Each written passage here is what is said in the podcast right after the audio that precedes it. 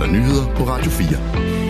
En elev er blevet kørt på hospitalet efter et knivstikkeri på Brøndby Strand skole.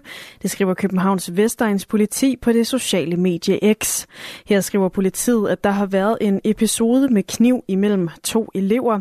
Skoleeleven, der er blevet ramt af en kniv, er kørt på hospitalet og er uden for livsfar, lyder det. Den mulige gerningsmand, som er 16 år gammel, er anholdt, skriver politiet, og samtidig fortæller de, at de ikke for nuværende vil oplyse yderligere. Lokalpolitikeren Dragan Popovic fra Venstre, som sidder i Hillerød Byråd, er i dag blevet idømt to års ubetinget fængsel. Det sker ved retten i Hillerød. Han, han dømmes for forsøg på at hvidvaske næsten 12 millioner kroner ved at fragte store kontantbeløb til Serbien mindst 30 gange. Hans mor idømmes ligeledes to års fængsel for forsøg på grov hvidvask, mens Dragan Popovic busselskab Top Tourist APS bliver frifundet. Retten har blandt andet lagt vægt på, at både Dragan Popovic og hans mors forklaringer har fremstået utroværdige i forhold til de beviser, anklagemyndigheden har fremlagt i retten. Specialanklager Stig Paulsen kaldte de, de tiltaltes forklaringer for instrueret og sagde, at de kastede deres afdøde far og ukendte buschauffører under bussen. Dragan Popovic har tidligere forklaret i retten, at han ikke kendte til de mange kontanter, og at busselskabet har en samarbejdspartner, som kører ruter fra Danmark til Serbien. Det var, det var chaufførerne, der tog kontanterne med, og ikke selskabet, sagde han blandt andet under sin forklaring. Ligeledes har Dragans mor tidligere forklaret, at hun ikke kendte til busselskabets arbejde, men at hun nogle gange havde hjulpet sin nu afdøde mand med at skrive under på nogle papirer. Det var aldrig Danish Crowns hensigt at vildlede forbrugerne.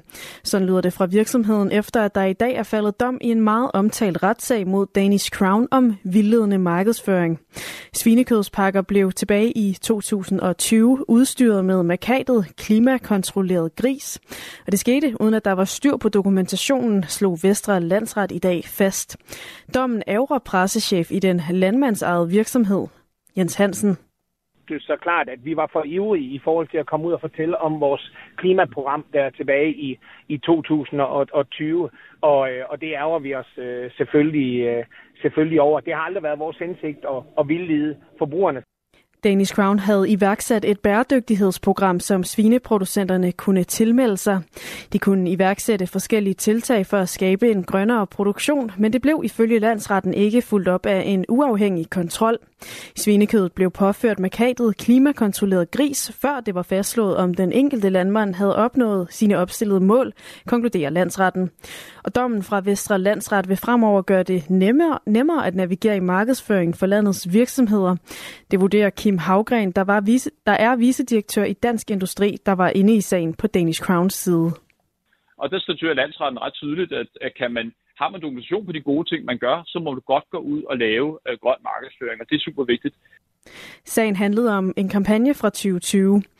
Og ifølge Kim Havgren, så er erhvervsorganisationen gået ind i sagen, fordi man havde savnet retningslinjer for, hvad virksomheder, der gør en forskel på det grønne område, kan sige i deres markedsføring. Det viser dommen helt klart, at det må man godt. Man må godt gå ud og sige de ting, som man, øh, som man gør på det grønne område til forbrugere og andre. Og det, det er super vigtigt. Retssagen var anlagt af Dansk Vegetarisk Forening og Klimabevægelsen i Danmark, der fik støtte af Forbrugerrådet Tænk. Og på den anden side så fik Danish Crown for uden Dansk Industri også støtte fra Landbrug og Fødevare.